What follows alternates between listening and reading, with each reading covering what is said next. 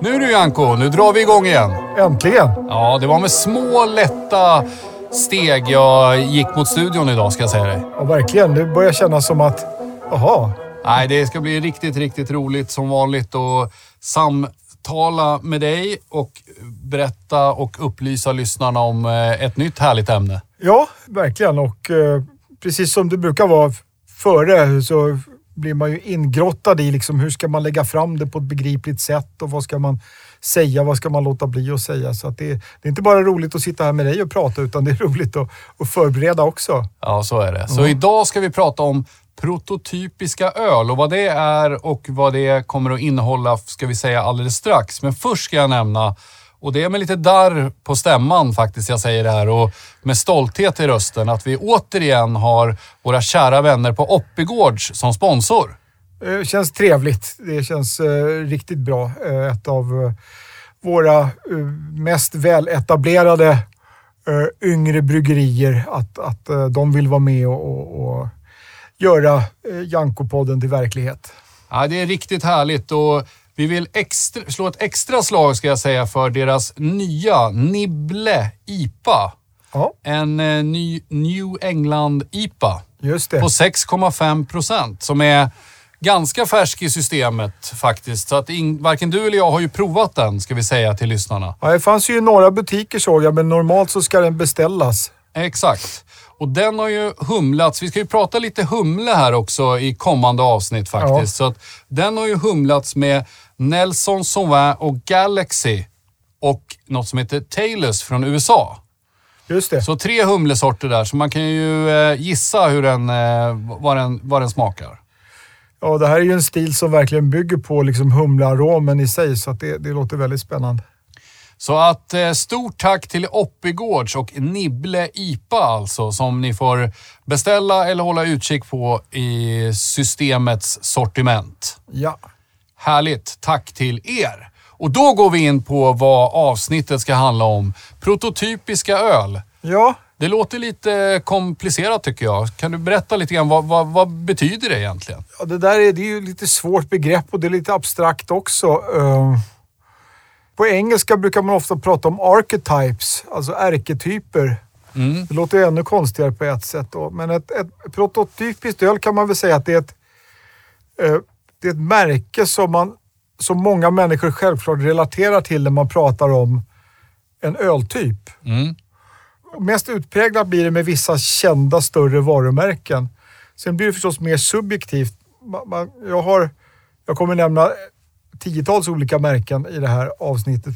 Öl som jag tycker liksom passar som, eller där man kan resonera runt om det är en prototyp eller inte för en viss öltyp. Då. Men det är klart att det blir mer subjektivt när man kommer in på, på, på lite stilar där det inte finns någon självklart flaggskepp globalt sett. Liksom. Men det är lite grann som man pratar om att det finns en litterär kanon till exempel. Att det är ett, kan, man, kan man likställa det med det? Lite grann, alltså lika omdiskuterat och liksom alla kommer ju ha en åsikt runt det. Men, men jag tror att det finns liksom några märken där man kan vara skapligt överens. Liksom någonting som... Uh, alltså hur smakar en uh, American Pale Ale? Och då kan man säga ett märke och ju mer likt det är det märket desto mer typisk är den för sin stil. Liksom. Jag, jag tänkte på uh, litterär kanon är ett bra exempel. Jag tänkte på champagnemärket Dom Perignon. Mm. Jag känner många champagnevänner och, och, när jag ber dem liksom nämna sina favoritchampagner så är det väl aldrig någon som har sagt Dom Perignon, tror jag. Eh, men det tycker jag ändå är, för mig, som liksom står lite vid sidan av, eh, en sorts prototyp. Och samma är det med ölmärken att eh, om man pratar till exempel, eh, vad vet jag, vi kommer in på det sen då, men, men torr irländsk stout, liksom Guinness. Eh, då kan du hitta, kanske inte hitta någon ölvän som säger att det är deras favoritstout. Men den är ändå prototypisk. Alltså någonstans så, så innehåller den essensen av egenskaper som man förväntar sig av, av öltypen.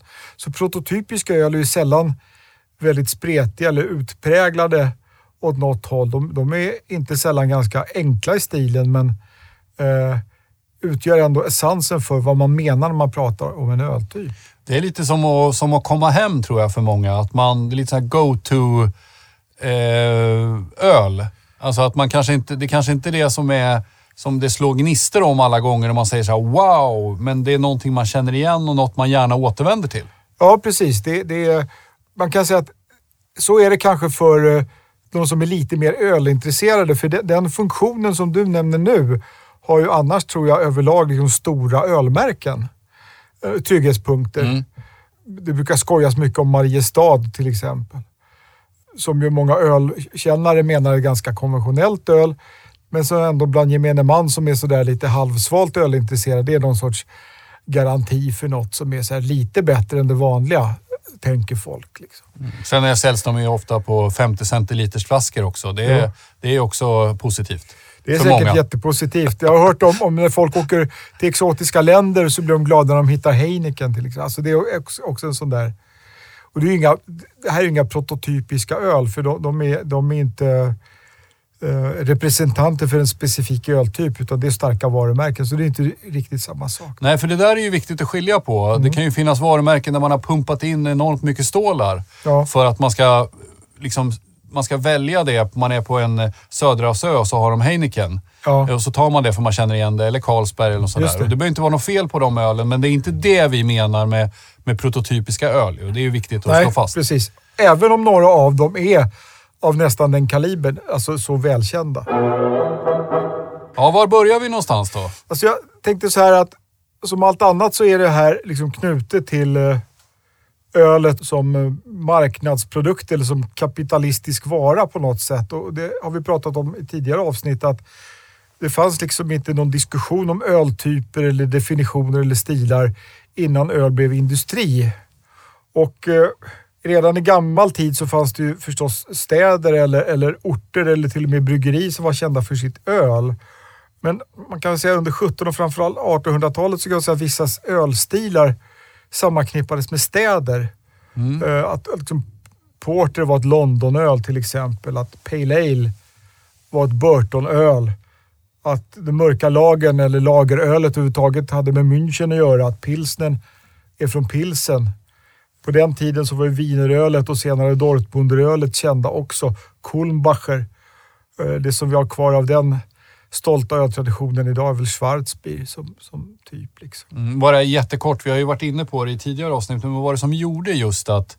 att det, det, för jag vet vi har pratat om vattnet bland annat. Ja, alltså just de exempel jag nämnt nu, där är ju vattnet en löjligt tydlig faktor. Mm. Men också eh, alltså, det lämpliga vattnet gav väl upphov till, till eh, överlag blomstrande industrier som, som lyckades eh, i konkurrensen helt enkelt. Mm. Där då. Mm. Sen tidigt, alltså kanske under andra halvan på 1800-talet eller så, så var det vissa märken som blev mer välkända. Bass från Burton till exempel eh, med sin röda triangel. Eh, tidigt ett liksom välkänt varumärke och kan man säga på den tiden säkert uppfattat som en prototypisk Pale Ale. Guinness blev ju känt under 1800-talet och framåt förra sekelskiftet pilsner Urquell. Eh, det började inte kallas riktigt för det förrän då, fast det hade funnits tidigare.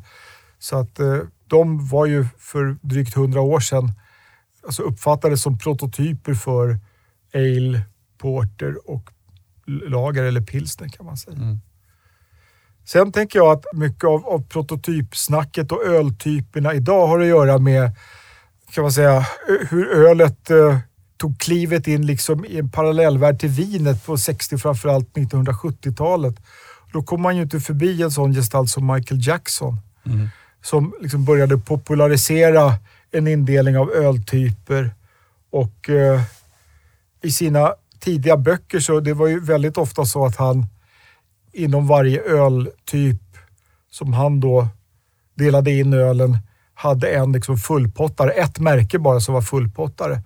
Och Det var då enligt honom prototypen för den öltypen. Och vissa av de märkena har ju lagts ner. Eh, vissa stilar har marginaliserats, många andra har kommit fram. Så att det är ju på sätt och vis daterat, men tänket finns ju kvar och, och åtminstone för oss som har varit med sedan 80-talet och läst hans tidiga böcker så jag kommer ihåg alla hans fempoängar i de tidiga böckerna. Så att det, sen har jag fått inse att nej, det är ingen prototyp eller han var ute och cyklade. Men, men eh, själva tankesättet. Hur, hur, hur pass eh, väl vet man att han var objektiv i sina omdömen då? För jag tänker till exempel på när jag växte upp, då hade jag en kompis vars pappa pratade om the, the five classic malts. Ja. Eh, som egentligen var, som jag minns det nu, då, det var ju som han sa, det var de fem bästa. Ja. Men i efterhand har jag förstått att det var väl Diageo som tog fem av sina märken Ja. och, och gjorde en box liksom med the five classic malts, apropå Just med varumärken. Ja. Och då tänker jag så här, hur, hur pass väl vet man att Michael Jackson var objektiv i sina omdömen i det här läget? Och, ja, kan du berätta lite om det? Vad du jag, jag tror att han var ju en, en eh, från början en nyväckt öldåre Mm. som eh, verkligen var mån om att kartlägga eh, och, bedöma och bilda sin egen uppfattning. Han var ju väldigt påläst och allt sånt där. Sen vet jag att det pratades mycket om liksom, de sista 10-15 åren av sin karriär att man tänkte så här, undra vem som betalat flygbiljetterna den här gången. Eller, ja, eh, Han blev ju en rockstjärna i sin genre, Jo. det- eller hur? och det var vissa märken som återkom och, och man kunde alltid som liksom, yngre entusiast tänka att ja, men han hänger inte med. Ungefär som folk tänker om dig och mig nu för tiden. Liksom. Mm. Ja, om det i alla fall. Ja, kanske. Ja, nej men det är intressant att bara fundera på. Man ska alltid ha, apropå i dessa tider vi lever, apropå källkritik, Ja. så ska man ju alltid fundera och, och bilda Absolut. sin egen uppfattning Visst, också. Visst. Ja, men sen tänkte jag då, eh, jag har ju listat en rad märken eller öltyper som jag tänkte vi kunde gå igenom dem. Mm, och de är kul. liksom, hoppar lite hit och dit och jag har börjat med någon som jag tycker är väldigt tydliga då som prototypiska öl. Och eh, jag har redan nämnt pilsner Urquell. Första ljusa lagerölet. Det har ju förstås ändrats över tid och allt sånt där. Men det har lyckats bibehålla rollen och faktiskt om man tittar på liksom de egenskaper som man kan mäta i labb, mycket av sina ursprungliga egenskaper. Och det där är ett märke som många som nutida ölvänner förbiser. Det ägs av ett stort internationellt företag. Det är inte speciellt extremt, även om det för att vara en, en, eh, en klassisk pilsner är ovanligt fylligt och ovanligt beskt och sådär. Men, men det har i alla fall en, en, en aura, en status som prototyp för klassisk tjeckisk pilsner. I synnerhet då, inte minst i Tjeckien är ju det där totalt uppenbart för liksom allting relaterar ju till pilsner Urquell fortfarande. Det finns liksom inget annat. Men en klassisk tjeckisk pilsner och du säger att man kan mäta vissa saker i labb. Vad är det man, vad är det man letar efter då i en tjeckisk pilsner? Vad är, vad är det som är så tydligt i pilsner Urquell? Man kan väl säga att det som är, är mest typiskt är en relativt låg förjäsningsgrad, alltså det är mycket restsocker kvar. Så att det är en hög fyllighet. Alltså allt, allt socker som finns i vörten har inte jäst ut utan det finns kvar och bildar fyllighet.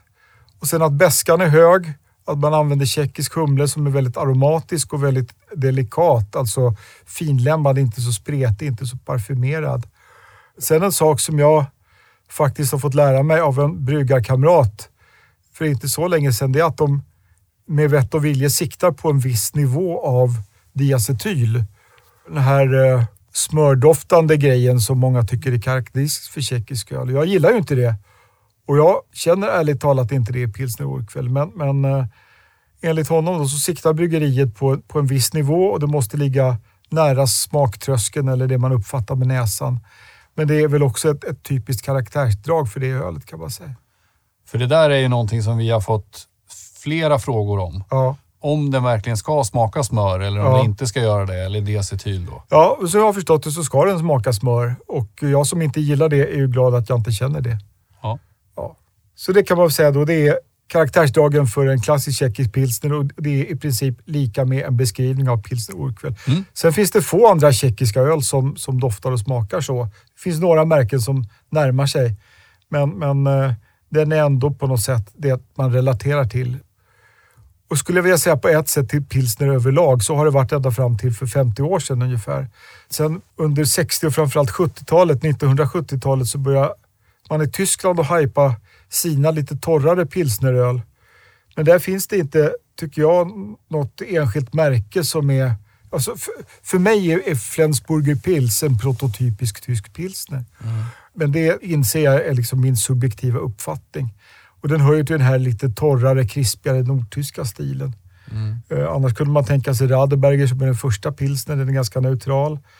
De tyska ölboksförfattarna Dietrich Höllhuber och Wolfgang Kaul som bland annat har skrivit Die Biere Deutschlands ett par upplagor på 80-90-talet. De delar ju in den tyska pilsner i lite underkategorier. Då pratar de om Sauerländsk pilsner till exempel med Warsteiner och Kronbacher som är väldigt mild. Det är väldigt mjukt vatten där då. Klassisk tysk pilsner som König från Duisburg till exempel. Men min, en av mina favoriter, den är ju väldigt besk, men eh, Jever. Ja, Ehm, vad, vad, hur kvalade in, den in på din lista där? Ja, Höllhuber och Kaul klassar ju den precis som Flensburger bland de hanseatiska, alltså de, den beskaste varianten. Och eh, det finns säkert de som betraktar den som, som prototypisk, för den är ju mest, eh, av de större märkena är väl den mest utpräglad i sin stil. Då. Men i min personliga smak så tycker jag Flensburger har lite subtilare kvaliteter. Så. Men som sagt, jag skulle inte säga att någon av de här är riktigt prototypisk på det sättet. Då. Ett öl som har varit det, kanske, för begreppet internationell lager, apropå stora varumärken, det är ju Carlsberg pilsner. Åtminstone då på den tid som den bryggdes i, i Köpenhamn. Alltså Carlsberg Pilsner. Alltså det vi kallar Ja. för Hoff. Ja, okej. Eh, okej. Ja. Mellanölet. Det varumärket finns ju, tror jag, i Sverige och kanske någon mer stans idag, just Hoff. Men, alltså Carlsbergs gröna etikett. Just det. Den varierar ju i alkoholhalt och så. Den hade ju lite specifika egenskaper på den tiden. Eh, Den var lite fruktigare och hade en speciell malt-humle-balans. Idag så kan man väl säga att den är lite mer diffus i sin karaktär, men ma- man skulle kunna no- nostalgiskt hävda att den var någon form av prototyp för internationell lager på sin tid. Men det var ingen, det var ingen råfrukt i den va? Jo, Det var det? Ja. det slutade de med sen, men det var råfrukt i den. Mm. Vilket man kan väl tycka att det ska vara då. På samma sätt, eh, amerikanska stormärket Budweiser är väl säkert det man självklart relaterar till när man pratar om den här väldigt milda nordamerikanska råfruktspräglade stilen. Där finns det också lite undervarianter. Vi pratade ju för något avsnitt sedan om olika underjästsorter, alltså om det jäses med, med Fråberg eller Sats-varianten av underjäst och sådär.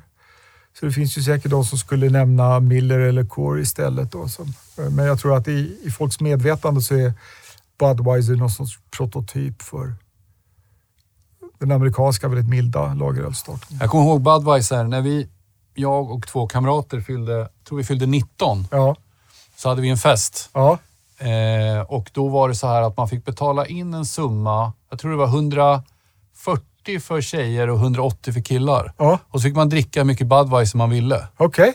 Eh, och vi hade ju inte fyllt 20 då. Nej, Så att vi var en kamrats kusin som köpte ut. Så vi åkte dit med farsans firmabil med släp ja, och köpte 40 lådor Budweiser på Okej. Systembolaget i Nyköping. ja, Och sen så, så efter en timme, då hade det gått, eller en och en halv timme hade det gått 20 lådor. okej. Då tänkte vi, det här kommer aldrig gå. Ja. Men du kan ju tänka dig frekvensen. Den sjönk ju ganska drastiskt efter ett tag. Ja, om man hetsdricker i början så. Ja, så vi hade, vi hade, när festen var slut, då hade vi två lådor kvar. Det var ändå imponerande. Ja, men det var rätt mycket folk faktiskt. Ja. Jag kommer ihåg, det, det är mitt största, största minne av Budweiser. Ja. Och en annan grej jag tänkte på var att vi har ju ett, ett, ganska, ett av våra tidiga avsnitt, när vi pratar om amerikansk eh, råfruktslager lager bland annat. Ja, Eh, och det slog mig när du sa så här att det är inte lättare att brygga en sån öl Nej. än att brygga något annat. Nej. Snarare tvärtom, Ja. att få till det. Och, det. och det där har jag tänkt på en hel del. Ja. Jag tror att det är ett missförstånd att man tänker att, att det, det är lättare att, att, brygga, att brygga den typen av öl än att brygga en, en tyngre stout till exempel. ja, precis. Och det, det, det är någonting som jag vill skicka med lyssnarna igen. Ja, att man ja, ska visst. fundera lite grann på det där. Faktiskt. Ja, om man gillar, ogillar öl som inte smakar så mycket så ska man inte ogilla det för att de är dåligt bryggda. Utan man kanske tycker att de smakar för lite eller något sånt. Liksom. Mm. På samma sätt som om man vill eh, testa hembryggning, då ska man väl göra en ganska humleparfymerad och lite karamellig ale. Det är ett bra sätt att börja. Liksom. Mm. Om vi ändå är inne på lag, ljusa lageröl och olika stilar, så det som fortfarande var lite grann i ropet då på 70-talet, när Jackson började skriva sina böcker, det var Dortmunder export, den stilen. Och han hade ett märke som, det kanske finns märket, men bryggerierna är ju nedlagda och märkena korsvis uppköpta. Dortmunder Kronen Export var hans liksom prototypiska Dortmunderöl. Va, vad skulle du säga man hör ju ofta Dortmunder-typ. Ja, Va, vad innebär det då? Stor stark. Ja, okej. Ofta lite över 5 procent. Um, eftersom det är lite hårdare vatten i Dortmund än på andra ställen där man brygger ljuslager traditionellt då, så får de en lite kantigare beska också. Mm. Alltså på ett bra sätt, men det finns en lite, lite hårdare kant på det. Men finns det något märke där som är prototypisk idag? Som är, Jag skulle inte säga det. Alltså det Nej. vi får tag på i Sverige är ju DAB. ja. Dortmunder Union brukar väl fortfarande. Mm. Men där är ett exempel då på ett, ett märke som, eller en typ som var mer i ropet då på 50-60-talet. Okej. Och det kan ha varit så, nu har ju inte jag varit med Michael Jackson och provat det och jag kommer inte ens ihåg om jag har provat märket Kronen någon gång. Jag har ingen minne av det. Union har jag provat i alla fall. Och några andra. Men, men eh, jag skulle säga att det är liksom en så pass marginaliserad öltyp idag att det inte är meningsfullt att prata om prototypiska märken direkt. Mm. Det är ju samma med tjeckiska Budvar. Det är också liksom ett stort varumärke. Och den är väldigt olik pilsner Urquell, men det är knappast prototyp. Man skulle kunna säga att den är, om man ska vara väldigt liksom regional och, och introvert liksom för en sydböhmisk substil av pilsner som inte är så besk. Liksom så. Men, ja. Sen finns det, kan man resonera om helt vanliga liksom, sydtyska ljusa lageröl. Det som kallas för Helles Mm alltså vardagsölet i Bayern och där tycker jag att det är jättesvårt att hitta en, en, en vettig prototyp. Jag har ju några favoriter. Det finns ett litet bryggeri Reichach på gränsen mellan Ober och Niederbayern och de gör tre goda lageröl, bland annat en Vollbier Hell. Den skulle jag kunna säga, den är för mig prototypisk men, men den är så pass eh, okänd utanför sin hemstad att det inte är meningsfullt. Däremot finns det en lite starkare variant som kallas för special. Alltså som ligger på en vörtstyrka på 13 eller över och alkoholhalt runt 5,5. Där finns det ett par märken som jag skulle kunna säga utgör någon sorts prototyper. Och det ena av dem heter Tegernseer Special och bryggs i Tegernseer söder om München. Och det andra heter Augustiner Edelstoff och bryggs i München. De är ganska olika varandra men har ändå tillräckligt mycket gemensamt för att på olika sätt då vara lite krispigare, lite lätta i stilen men ändå med viss kraft från lite högre Men vörtstyrka. får man tag på dem i Sverige eller? Nej. Nej. Eh, ja, det kan väl hända att, att någon finns på beställningssortimentet och sådär, men det, de är inte helt ovanliga i södra Bayern. Men eh, jag som eh, lite snobbigt brukar resa till orten tycker att de är godast på Augustinerkeller eller på Broigstübel Ja, i. Tegernsee. Det är klart. Men det finns ingen motsvarighet liksom, som du skulle kunna nämna som... Nej, egentligen inte. Utan Nej. det här är ju också så en utanför Bayern ganska marginaliserad öltyp egentligen. Men för, för oss som gillar Bayerskt öl så tycker jag liksom att ju mer lika Edelstoff eller Tegernseer Special som de är, desto, mer, desto bättre är de. Mm. Helles alltså. Special. Special. Ja. Vad är skillnaden på special och Helles då? En vanlig Helles är ju på 11-12 i vörtstyrka, så den är lite svagare. Ah, okej. Och special är lite starkare. Lite starkare. Det är liksom festöl mera, medan Helles är vardagsölet. Ah, ja, okej.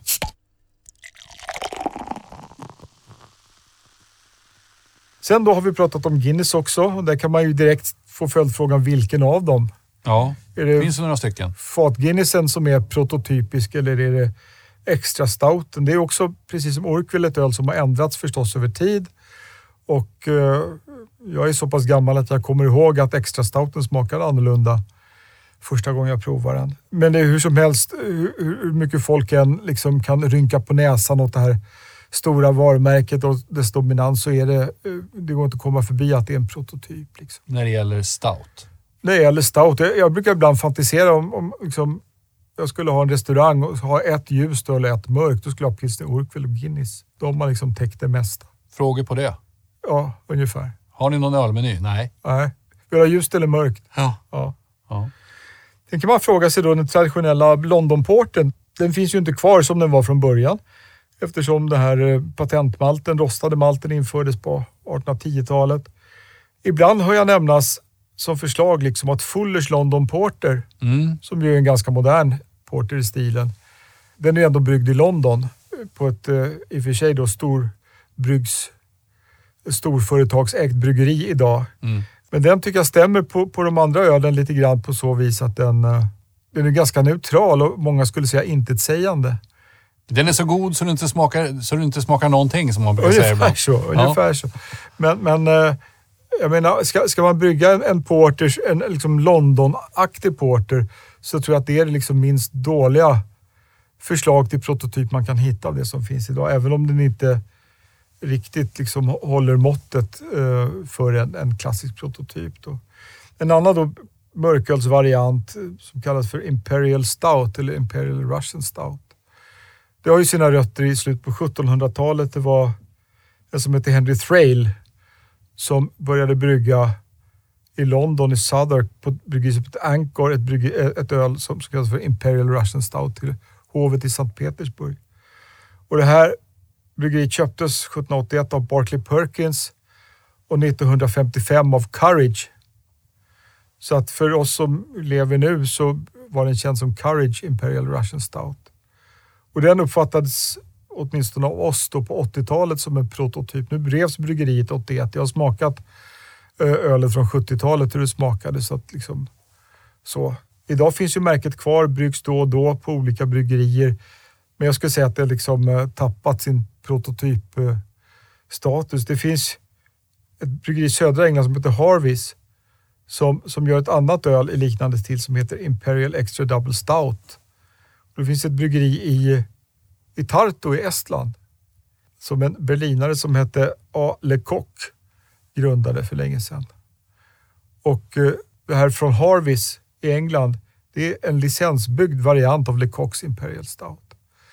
Och den har jag sett i viss litteratur liksom framhållas som någon sorts prototyp för Imperial Stout. Men jag skulle tro i själva verket så är vissa amerikanska tolkningar av Imperial Stout liksom mer det som folk strävar mot. Ja.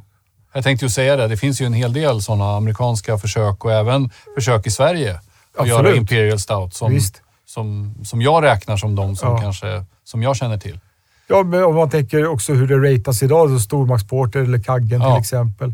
Jag tänker på Bells, Mm. eh, vad heter den, eh, Old Rasputin. Det finns ju ett Mm. antal sådana här märken som varit kända länge.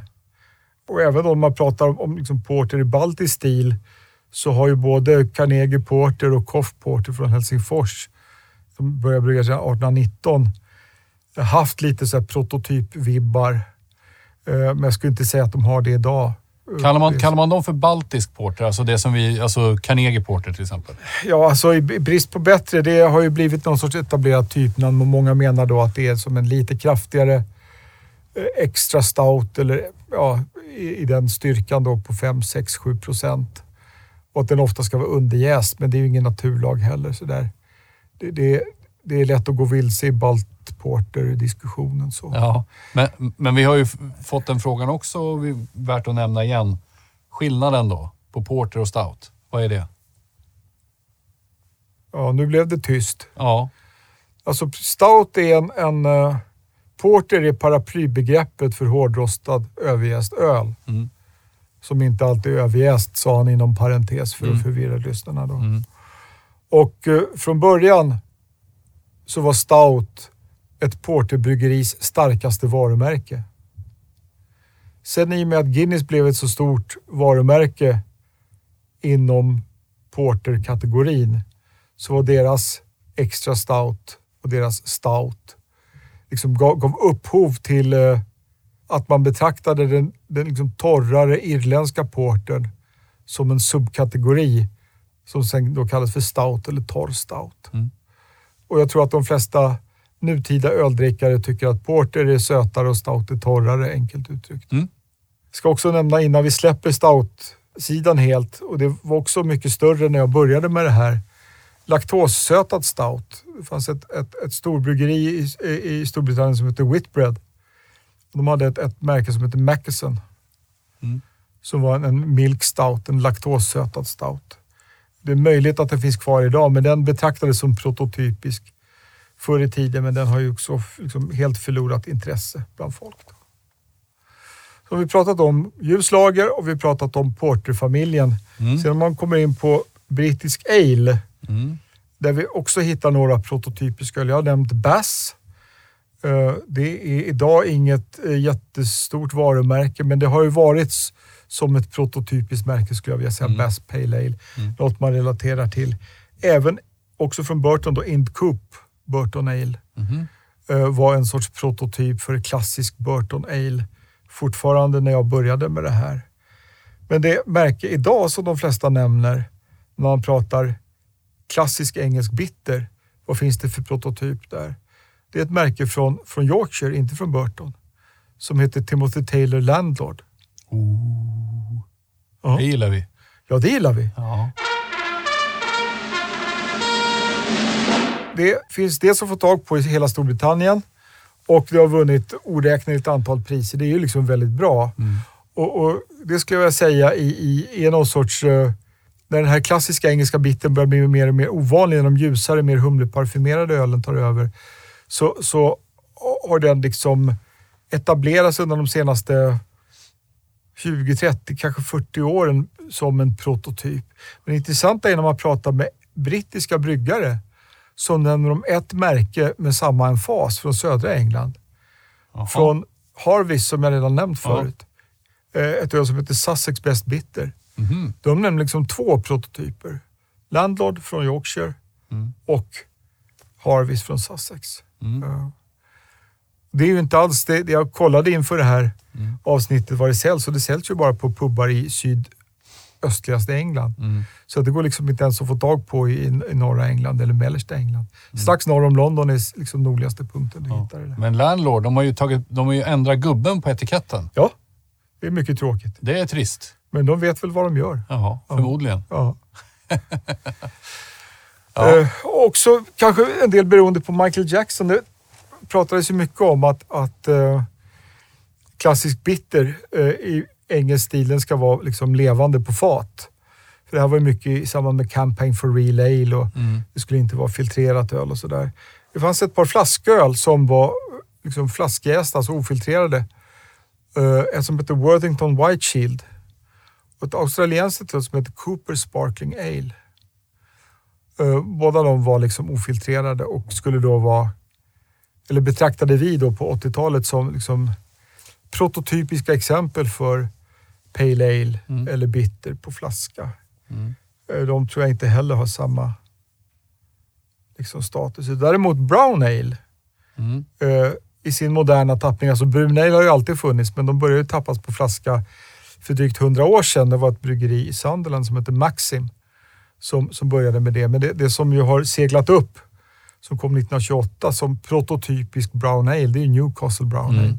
Som inte ens byggs i Newcastle längre. Men märket är stort, eh, hånat av många men fortfarande tycker jag liksom eh, har de här prototypkvaliteterna. Det, det är ju, ju mer lik en Newcastle brown ale man är, desto mer likt är det det man föreställer sig med en buteljerad engelsk brown ale. Eh, annars så, så var det ju tidigare vanligare eh, med, med brun ale på, på fat. Det som kallas för mild. Just det. Och det har ju fått en, en revival kan man säga från 1980-talet och framåt. Det finns en rad som uppskattade mild-märken, både beskare och sötare. De märken som var stora i mitten på 1900-talet, till exempel Highgate Mild, som var någon sorts prototyp. Det fanns några märken till som nämndes i samma andetag. De, de är ju, om de finns kvar så är de nästan obetydliga idag. Eh, Så. Mm. När det gäller de starkare ölen så fanns det en, en Old Ale, alltså en, en, eh, ett extra starkt långlagrat öl som heter Gale and Sons eh, Price Old Ale. Som byggdes i, i södra England och, och levererades i en liten flaska med naturkork. Mm. Eh, det bryggeriet är borta, själva märket finns väl kvar och bryggs av lite olika bryggerier. Eh, det hade definitivt någon sorts prototypstatus för Old Ale slash Barley Wine. Eh, alltså extra stark ale. Mm. Eh, när jag började med det här, men det har inte det längre. En del tycker Thomas Hardys Ale är som en prototyp för Barley Wine. Det är ett öl som kom på 1960-talet. Annars är några amerikanska exempel, skulle jag säga, mer kända och de är ju lite präglade förstås av amerikansk humle. Båda är från Kalifornien. Då Bigfoot Barley Wine Style Ale från Sierra Nevada och Anchors Old Foghorn. Mm. De tror jag mentalt funkar som lite prototypiska öl då för den amerikanska varianten av Barley Wine. Mm. Det sista brittiska ölet som jag tycker, eller för mig personligen i alla fall, funkar bra som prototyp. Det är den typ av, av skotsk ale runt 7 procent. Med lite maltpräglad och sådär.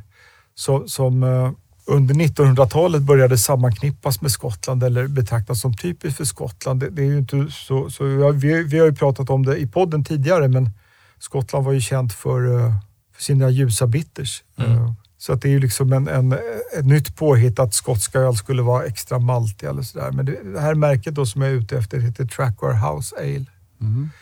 Och då eh, är- man med på att det finns en liksom skotsk, lite alkoholstarkare, 7% lite maltigare, brunare substil så är definitivt Trackware House Ale prototypen för den. Mm. Det funkar bra som det. Mm. Spännande. Ja, ska jag fortsätta? Ja, jag tycker att det, jag är Jag, jag är, idel öra och det tror jag lyssnarna är också. Ja, jag är De sitter med pennan och anteckningsblocket redo tror jag Ja. och vill höra facit Ja, från, precis. från Nestorn. jag tänkte fortsätta lite med Nordamerika då. Ja. Eh, För att eh, på 1970 och framförallt 80-talet så kan man säga att, att eh, det uppstod och liksom spreds nya stilar eller nytolkningar av ale som är präglade av en, en, mycket mer parfymerad humlekaraktär. Det är framförallt då humlesorten Cascade i början men sen ett, ett, flera tiotal andra sorter apropå sponsorölet som vi pratade om tidigare också. Mm. Präglat av Nibbe. modern humle precis Ja. då. Uh, Anchor som jag nämnde eh, i San Francisco eh, med Old Foghorn, deras Barley Wine. De släppte ett öl i mitten på 1970-talet som hette Liberty Ale. Mm. Och det var först i sin stil kan man säga. Och det intressanta är att det var varken en APA, American Pale Ale, eller IPA. De begreppen fanns inte på den tiden. Nej. Eh, utan det låg alkoholmässigt emellan 5,9 och stilmässigt skulle jag också säga emellan. Alltså den är, nu är jag väldigt förtjust i det ölet. Jag tycker det liksom, den är inom citationstecken får jag tillägga, så godare än alla apor och ipor. För den är liksom, eh, för mig är det någon sorts prototyp för amerikansk ale, Liberty Ale. Liberty Ale. Mm. Nu har ju det bryggeriet också bytt ägare och det är många som säger att det inte är liksom samma grej. Men, men det går ganska många år numera mellan att jag provar Liberty Ale. Mm. Men jag skulle ändå säga att det är öl och svårt att komma förbi. Annars så får man gå till mitten på 80-talet för att hitta prototypen för det vi idag kallar för American Pale Ale. APA. Och det var Sierra Nevada, också Kalifornien, Chico, Mm. som släppte sin Sierra Nevada Pale Ale. Mm. 5,6 procent. Och där är det säkert många som har provat den, som hör den här podden, som tänker ja men den är ju inte så märkvärdig.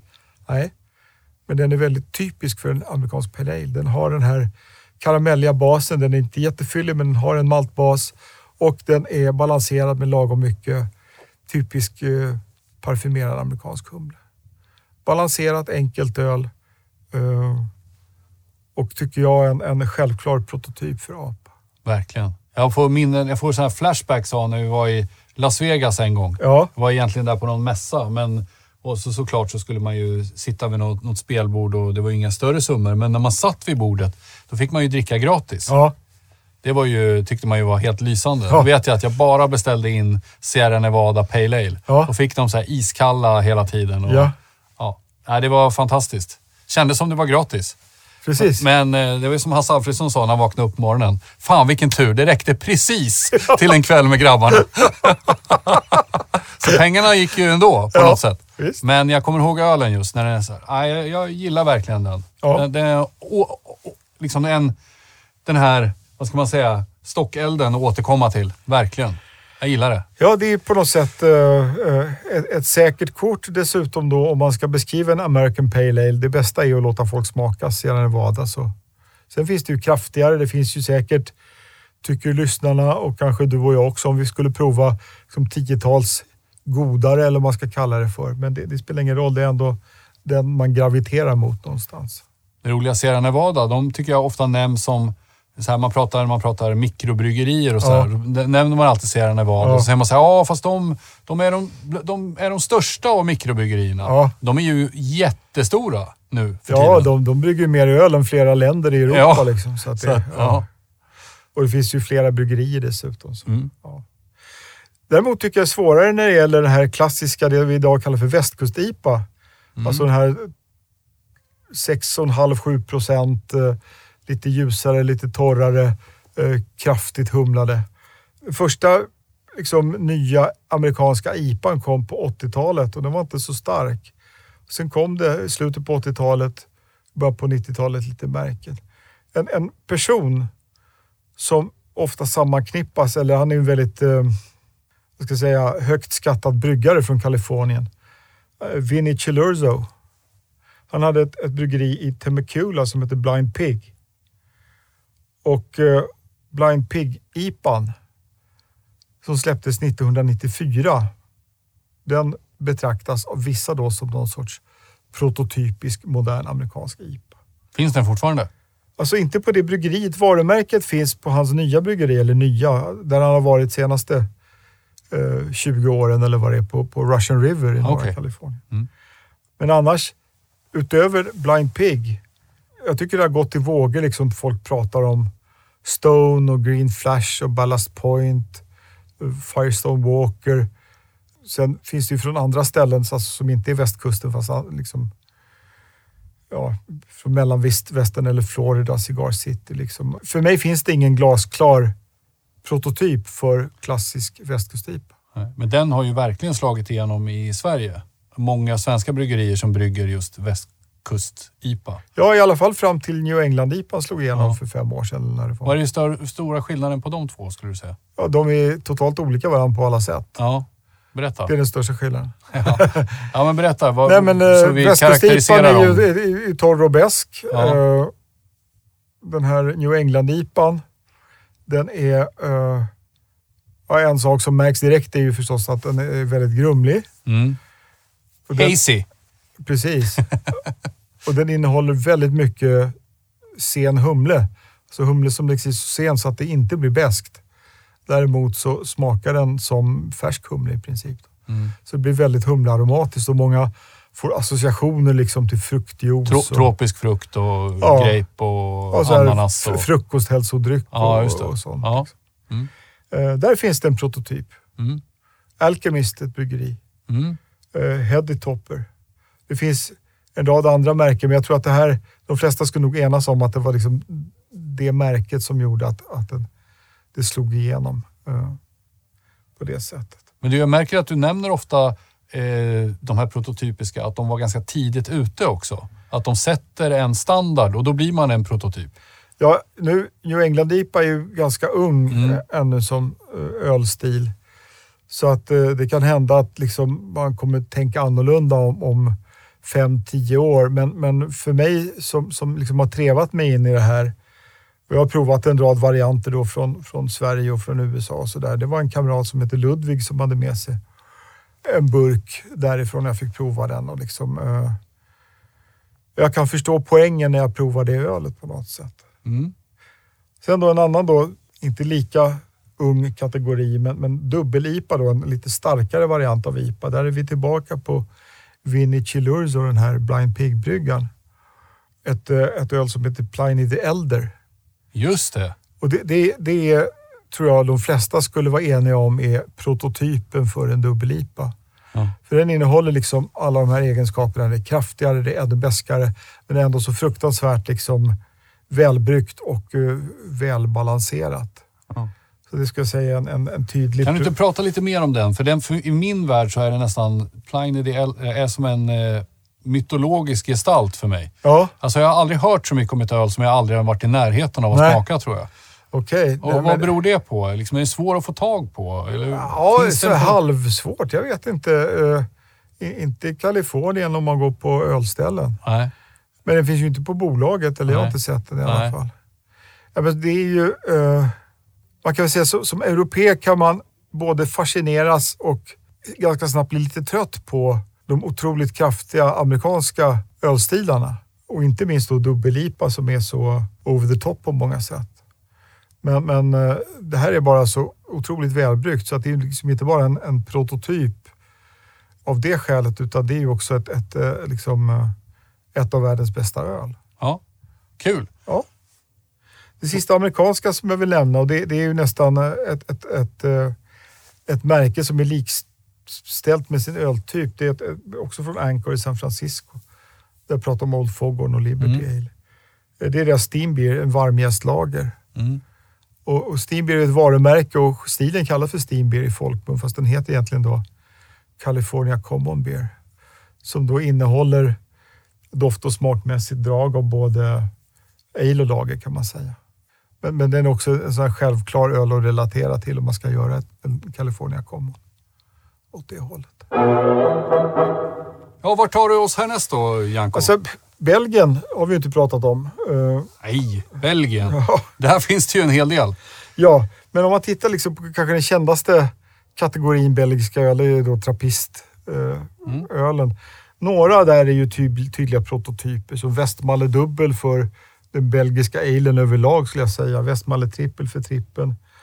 Orval är ju precis som Anchor Steam ett, ett öl som är lika med sitt märke på något sätt. Men det är, jag vet inte om det går att kalla prototypen, men Westmalle dubbel och Westmalle trippel från samma bryggeri är ju prototyper för dubbel och trippel. Sen för de här extra starka kvadruplarna, man ska kunna säga, då är ju säkert Westfleteren 12 att betrakta som en prototyp. Även om till exempel Rochefort 10 smakar mer och är starkare. Där finns det väl lite olika, men det är så pass hajpat så jag skulle säga att det ändå är ett prototyp mm. Eh. Då. Mm. Här har vi de här eh, sura bruna ölen. Det fanns det två märken när jag började med det här. Rodenbach eller Rodenbach Grand Cru och sen Liefmans Goldenband, deras specialprovisi framför allt, lyxvarianterna som utgjorde någon sorts prototyper. Idag så är de eh, uppköpta och en del menar lite urvattnade. Det finns just de märkena har inte självklart samma prototypiska status längre inom Oud Bryn, det bruna syrliga som tidigare. Men där får jag bara fråga, ja. för du har sagt det vid flera tillfällen och att när ett bryggeri då blir uppköpt, ja. då känns det som att den gängse uppfattningen är att det blir sämre hela tiden. Ja. Alltså, för mig är det obegripligt hur man kan köpa ett bryggeri och sen så göra det sämre. Är det så, skulle du slå fast, eller är det så att uppfattningen i människors medvetande blir, alltså när man, om du förstår vad jag menar, att man, man köper upp det här bryggeriet så tänker man direkt, ja ah, nu har det blivit eh, genomkommersialiserat, nu är det inte lika bra längre. Har du några bra exempel där på att det verkligen stämmer att det har blivit sämre? Ja, jag har många, många exempel. Ja, eller är det känslan? Ja, det kan vara känslan. Jag, jag tror så här att, att det, det är väl nästan alltid så, eller i många fall. Alltså förr i tiden så var det ofta så att man köpte bryggerier och la ner dem bara för att bli av med konkurrenter. Men idag om det finns ett, ett varumärke man vill vårda så är det kanske så att varumärket blir starkare. Men det finns ju sen naturligtvis fördelar. Jag menar, det är som Löwenbräu och, och, och Spaten som, som ägs av ett storbryggeri idag. I München, de var ju mycket mer individuellt olika tidigare. Idag så liksom sammanvänder man samma brygghus och såna grejer. Och det blir liksom mer etiketter, mer neutrala i karaktären. Och för Rodenbachs och Liefmans del, det är klart att det finns ju stordriftsfördelar med att lägga över produktionen eller delar av mm. produktionen till andra bryggerier, samanvända råvaror och sådana där saker. Så att eh, ett exempel som eh, smärtar mig ganska mycket, det fanns ett bryggeri som grundades på 1900-talet som heter Forschungsbrauerei i Perlach utanför München. Som bryggde fantastiska öl som jag då hade förmånen att få prova ganska många gånger. Mm. Eh, man fick ta pendeltåget ut och sådär. Sen mm. så ville bryggan lägga av så såldes bryggeriet till en dryckesentreprenör och det skulle vara samma allting och bla Och sen så blev märkena lite olika och nu läste jag senast att märkena finns kvar och krogen också men det bryggs inte på plats längre. Och äh, det mesta ja. blir ju skit. Alltså. Men det är klart att det blir, man tappar den här känslan och man tappar den här fingertoppskänslan, hantverksmässigheten. Man vinner skalfördelar men tappar i kvalitet. Ja visst, mina, mina, några av mina ja. favoritveteöl har gått samma öde till mötes. Att märkena finns kvar men de byggs på andra mm. håll. Det, äh, det, det, det, smakar inte likadant, man tappar intresset. Liksom. Mm. Mm. Ja. Ett, ett, eh, en annan belgisk stil då, säsong. Uh, ja. Lite örtigare eh, torrare variant. Och där finns ett märke som heter Saison Dupont. Som eh, också säkert många skulle säga att det finns många bättre säsonger än den och så vidare. Men den skulle jag säga, den är fortfarande prototypisk inom stilen.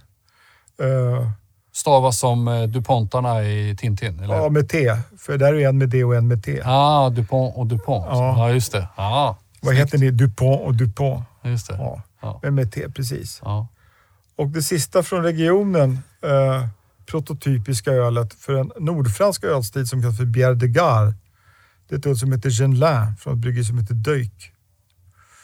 Eh, på en ort som heter Genlin. Eh, också ganska neutralt öl på ett sätt, men, men eh, ett av få som liksom eh, lyckades få nytt liv eller ja, leva upp under 60, 70, 80-talet. Och eh, även om det finns många spännande craft beers i norra Frankrike så har den kvar någon sorts prototypstatus för Bière de Gare. Är det, det, jag kan ju inte franska. Är det gårdsöl typ? Eller? Nej, det betyder, eh, Vad betyder det? ö- öl som sparas eller sp- Jaha. alltså lagrat öl. Vad man ska säga. Ja. Mm. Så att det är väl ett extra starkt öl. Det är inte jättestarkt, men det är väl precis som säsong DuPont runt 6 procent någonting. Men det var liksom ett festöl som man sparar lite längre. Mm. Sen har vi då surölen. Eh, Mm. Och där Michael Jackson gjorde det lätt för sig i sin första pocketguide. Han sa att alla var värda högsta betyg. Eh, och det, det har ju också ändrats lite över tid, för det har ju eh, vissa liksom märken har blivit mer kända och andra har gått tillbaka eller sålts och så vidare. Det fanns ett bryggeri som alltid nämndes när jag började med det här. Som är det något så är det Henri van de Velden i Beersel. Men det är länge sedan han la av och nu finns ju det märket kvar. Men, men eh, det har inte riktigt samma status och det bryggs ju på annat håll idag. Jag har faktiskt en flaska kvar som han gubben bryggde i slutet på Mhm. 80-talet. Så att den, nu har jag ju fyllt 50 och allt så jag vet ju inte liksom när jag ska dricka den längre. Nej. Men Den får inte förbli odrucken då. Du vaknar väl upp någon morgon då den står halvdrucken där som du har druckit på, Ja, på, väg, till, på, väg, på väg till sängen. Ja, precis. Ja, Just det nej. när kokoslikören var slut. Liksom. Ja. Man måste ha något mer. Liksom. Ja. ja precis. Ja. Annars, liksom, det finns ju fler. Några märken är, är liksom mer eh, hypade än andra. Girardin, Dreifontainen, Hansens, Cantillon, kanske Bon och så. Men, men jag tycker inte det går att säga att det finns ett, en prototypisk gös. Några korta ord också om, om ytterligare öltyper där det finns eller inte finns eh, prototypiska öl. Om vi är tillbaka i Centraleuropa, bocköl, alltså med 16 procents vörtstyrka. Så många som tänker på Einbecker Urbock, för bock är en stil som ska komma från Einbeck i, i norra Tyskland. Mm. Det var ÖVS på den tiden. Det är inget fel på Einbecker Urbock. Men där tycker jag det finns en... Det saknas en etablerad... Liksom av, eh, för den utvecklades ju i sin lagerölsvariant i München eller i Bayern. Mm. Där saknas det liksom en etablerad prototyp. För mig finns det en prototypisk bock. Och det är Reutberger Josefi bock från ett klosterbryggeri söder om Bayern, eller ö, söder om München vid Alpernas fot. Och den, det är bara för att den är så fruktansvärt bra och innehåller liksom allt det som en bock borde ha. Däremot när det gäller dubbelbock, extra starka bockar med 18 procents vörststyrka, där är ju Salvator, som idag då byggs av Paulaner, den självklara prototypen. Och där kan man också hävda, men jag gillar eh, Sankt Jakobus från det här forskningsbryggeriet Mm. som jag nämnde förut, bättre. Eller eh, jag gillar Animator eller eh, Celebrator eller vad de heter. Men Mm. det är ändå så att Salvator är den självklara prototypen. Det har också ändrats över tid, Mm. men det har kvar sin prototypstatus. Mm. När det gäller rököl, som ju är en, en väldigt regional eh, stil eh, som har överlevt mest i staden Bamberg, så är ju två märken egentligen Schlenkerlas, Mertzen och eh, Specials Lager som är till all lycka ganska olika varandra, men båda de är någon sorts prototypiska, om man kan prata om prototyper för en sån marginell öltyp som bara är några märken i princip. Då. Eh, Klassiskt Weissbier, Mm. det här eh, lite halvbruna. Precis som vi pratade om förut, de, de mina favoriter där som jag tyckte var bäst, de, de flesta av dem är, är nedlagda eller flyttade och förändrade i smaken. Det finns ett, ett stort märke dock, som är mycket mer neutralt, men som ändå tycker jag har någon sorts prototypstatus och det är Schneider. Som grundat 1872 i München, men, men eh, de uppförde ett nytt bryggeri, Kelheim, före andra världskriget och när Münchenbryggeriet blev sönderbombat så efter det så görs allt i Kelheim.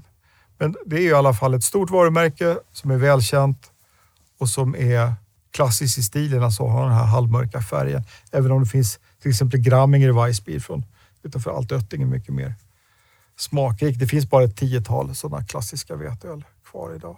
När du säger klassisk veteöl bara, så, så att Varken lyssnarna ljus, förstår. varken ljus eller mörk, utan lite maltigare, ljusbrun eller bärnstensfärgad. Mm. Eh, Okej. en helt annan grej, kan jag säga. Mm. Eh, tycker jag i alla fall. Jag tycker de ljusa blir för eh, bananiga i karaktären, de mörka blir för neutrala. Lika svårt tycker jag att prata om prototyper när det gäller renlandets eh, överjästa öl. Allt blir i Düsseldorf, där är det, ju, det finns fyra bryggerier som finns kvar sedan gammalt i sina krogar. Åtminstone tre av dem brukar växelvis betraktas som, som det bäst, bästa. Men det går inte att säga att, att det alltid är Urge som är prototypen eller Füchsken eller Schumacher. Eller kan någon tycka Schlüssel också, utan det växlar lite där. Kölsch däremot, från Köln, där bara på grund av sin coolhet så är Pefgen kanske den som kan betraktas som prototypisk. Men, men Mm. för min egen del så bor det på sångerskan Nico Mhm. som sjöng med Velvet Underground. Ja. Nico Pefgen. Hon är Ja. från den familjen. Ja, ja. Eh, Men det är en klassisk eh, Kölschstuga i Köln och eh, ölet är väl varken bättre eller sämre än andra. Nu är Kölsch förändrat sedan sedan hundra år. Det var ju bäskare och lite mörkare förr i tiden, men det är ju nästan som en pilsner idag. Mm. Mörklager generellt, Mm. Jättesvårt tycker jag. Finns, Michael Jackson skrev om Spaten Dunkel Export Mm. som jag letade upp i mitten på 80-talet och blev gruvligt besviken på. Folk tittade på mig som jag var en idiot. Mm. Eh, Det är snarare mindre varumärken idag som byggs på landet, till exempel Leupser Dunkel från ett bryggeri som heter Gradli i Leupz i, i Oberfranken. Mm. Ett exempel på en väldigt bra mörklager. Och Flecko i Prag Mm. gör en fantastisk mörklager. Ja. Men in, ingen har liksom riktigt eh, prototypkvaliteterna ändå tycker jag. Samma med Mertzen, det här lite halvmörka, starkare. Det, det, det var ju en jättestark, eller känd öltyp på 1800-talet, vineröl. Anton Dreher bryggde i Schwechat utanför Wien. Sen blev det ännu mer känt när, när eh, bryggeri, det som är Spaten då, eh, började leverera Märtsen till Oktoberfesten ett år när det här vanliga sommarölet tog slut. Och, Jackson nämnde Spaten Ormärtsen, men den är idag lika... Eh, alltså, det är definitivt ingen prototyp idag. Och där, för min personliga del så har också där favoriterna lagts ner, precis som i veteölet. Det fanns en som hette Peter Auer Hausham som hade en Mhm. fantastisk Märtsen, det lades ner. Ja, då fick tvåan bli prototyp tyckte jag. Wörlein i Eidenbach. Sen dog den gubben.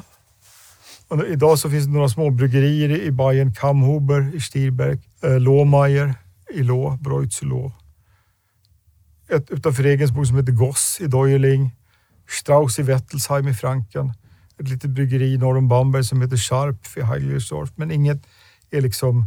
Det goda Märzenöl som finns kvar, en utrotningshotad öltyp, men ingen som är självklar prototyp. Och det är samma egentligen med Frankiskt Vollbier och Kellerbier. Mm. Eh, den bland oss lagerölälskare mest hypade öltypen. Den ändras över tid. Vissa år eller perioder så är vissa bryggerier jättebra. Sen dör bryggan eller de byter ägare eller receptet ändrar att det går ner sig. Häckel är ju väldigt de senaste tio åren. Och vad, är det du, vad är det du letar efter där? Och om du ska liksom försöka hitta prototypen där, vad är det man, vad är man söker? Jag vill ju att den ska vara både maltig och besk. Mm. Den ska vara ganska torr, krispig, rak ädel humlarom, gärna från spalthumle. Inget klet i maltigheten, inga felsmak. Mm. Det fanns ett brygge som hette Sippel i Baunach som gjorde jättebra öl. Innan den bryggan dog. Dreikronen i Kästlitz gjorde bra öl. För tio år sedan skulle jag sagt Witzgall, som Goldenen Adler i Höfen, Hermann i Ampferbach, Eichinger i Heiligenstadt. Där, vissa säger att de där vacklar. Eh, En del i Kellebier, annat i Follbier. Mm. Jag tycker de har varit bra, men eh, alltså det är svårt att säga att Mm. du ska alltid... Som det här ölet så ska en frankisk smaka. Ja, det. Förstår. får man hålla reda på över tid. Mm. Som tur är finns det ganska många kvar. Och det varierar som sagt över tid. Och det är samma egentligen med Zeugel i Oberpfalz. Deras eh, kommunbryggda öl som, Mm. som serveras i hemmen. Det varierar över tid. Sen avslutningsvis då, finns det några så riktigt marginella öltyper som Berliner Weisse, Gose, Mm. Wöllnitzer Weissbier, Mm. Dampfbier Mm. från Pfefferbräu Zwiesel. Det är liksom eh, ett eller två bryggerier som gör de ölen. Mm. Och, och Många av de här gamla utdöda slash återuppväckta öltyperna, de har ju de är mycket större som, som craft beers eller hembryggningsprodukter idag. Så att eh, kanske ett sista märke som skulle nämnas, det är ju apropå Kulmbach som vi nämnde i början. Kulmbacher Mönchshofs Köstritzer Schwarzbier. Mhm. Om man tycker att Schwarzbier är liksom en egen öltyp inom mörka lagerklassen. Även om, om, om uh, Köstritzer Schwarzbier är ett mycket större märke Mm. så är Kulmbacher Mönchshof, eftersom det är från Kulmbach, Mm. så kanske det är ändå prototypen i den stilen. Ja, superintressant. Vi kan väl göra så här att vi kan väl på Instagram lägga ut några av de här som vi har nämnt. Kanske inte varenda en, men, men några stycken i alla fall. Ja, eller man kan skicka det på något sätt. Att de Ja. har varit prototyper eller här Precis. finns ingen bra prototyp. Så man kan göra en liten katalog över. Ja, jag tänker om man, vill, om man vill leta efter det när man är på resa. Och en del av de här finns ju att få tag på i Sverige. Långt ifrån alla, men Absolut. Och som sagt, det här är ju till mycket präglat av att, att, att jag liksom är skolad i i Michael Jacksons anda. Det som betraktades som prototyper på 80-talet, det sitter ju fast i mitt huvud. Eh, Det finns säkert yngre substilar där folk har en mycket mer bestämd uppfattning idag och eh, så vidare. Så att det här är ju, alltså som Sierra Nevada Pale Ale till exempel, eller Newcastle Brown Ale eller Pilsner Urquell.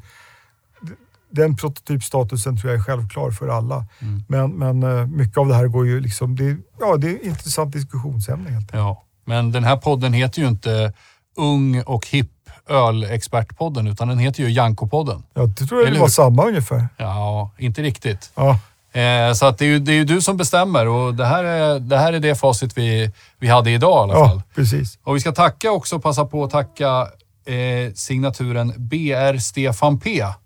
Som var den som faktiskt ville höra ett avsnitt om prototypiska ölstilar. Vad bra. Han hoppas- provocerar igång hela det här snacket. Exakt, så Ja. jag, och, och det är vi så glada för att ni hör av er och säger kan ni inte prata om det här. Eh, och i ett, jag tror att det blir två avsnitt fram så kommer vi att ta upp en hel del frågor som ni har skickat in då via, via Instagram och, och önskemål. Ja, några av dem är ju bra egna programidéer, men vi kan ju svara lite kort och sen se hur vi kan utveckla. Eller? Ja, precis. Men som sagt, BR Stefan P. Hoppas att du blev glad och nöjd eh, med det här. Eh, och sen så har vi även fått då så här öltypsdefinitioner kontra hur det smakar i verkligheten. Det var både Gre- Green Daily Brewing och Joel Lundberg som ville höra och det har vi ju tassat lite på nu tycker Ja, jag. men jag tänkte faktiskt i nästa, nästa avsnitt svara lite mer utförligt på det också. Så det, ja. det kommer vi också att göra. Så att, eh, eh, tack till BR Stefan P. Och sen framförallt får vi inte glömma då stort tack till vår sponsor Oppigårds eh, som sponsrar det här avsnittet, vilket vi är otroligt glada för. Och det är deras nya Nibble IPA. En New England IPA på 6,5 procent som har humlats med Nelson Sauvin och Galaxy. Lite eh, humlesorter söderifrån. Och amerikanska Talus, eller Talus, beroende på hur man vill uttala det. Hypotalamus. Exakt. Så den hoppas jag att ni springer iväg till bolaget och köper, alternativt beställer. Stort tack till Oppigårds och ett stort tack till dig Janko för det här avsnittet. Och dig Peter. Tack ska ni ha. Tack, hej. Sunday morning brings the dawn in.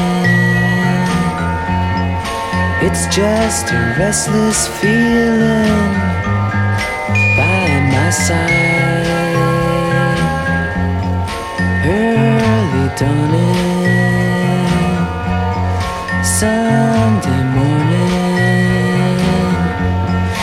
It's just the wasted years so close behind.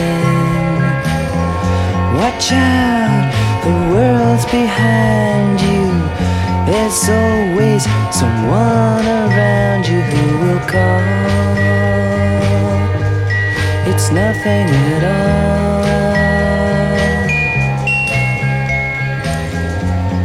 Sunday morning.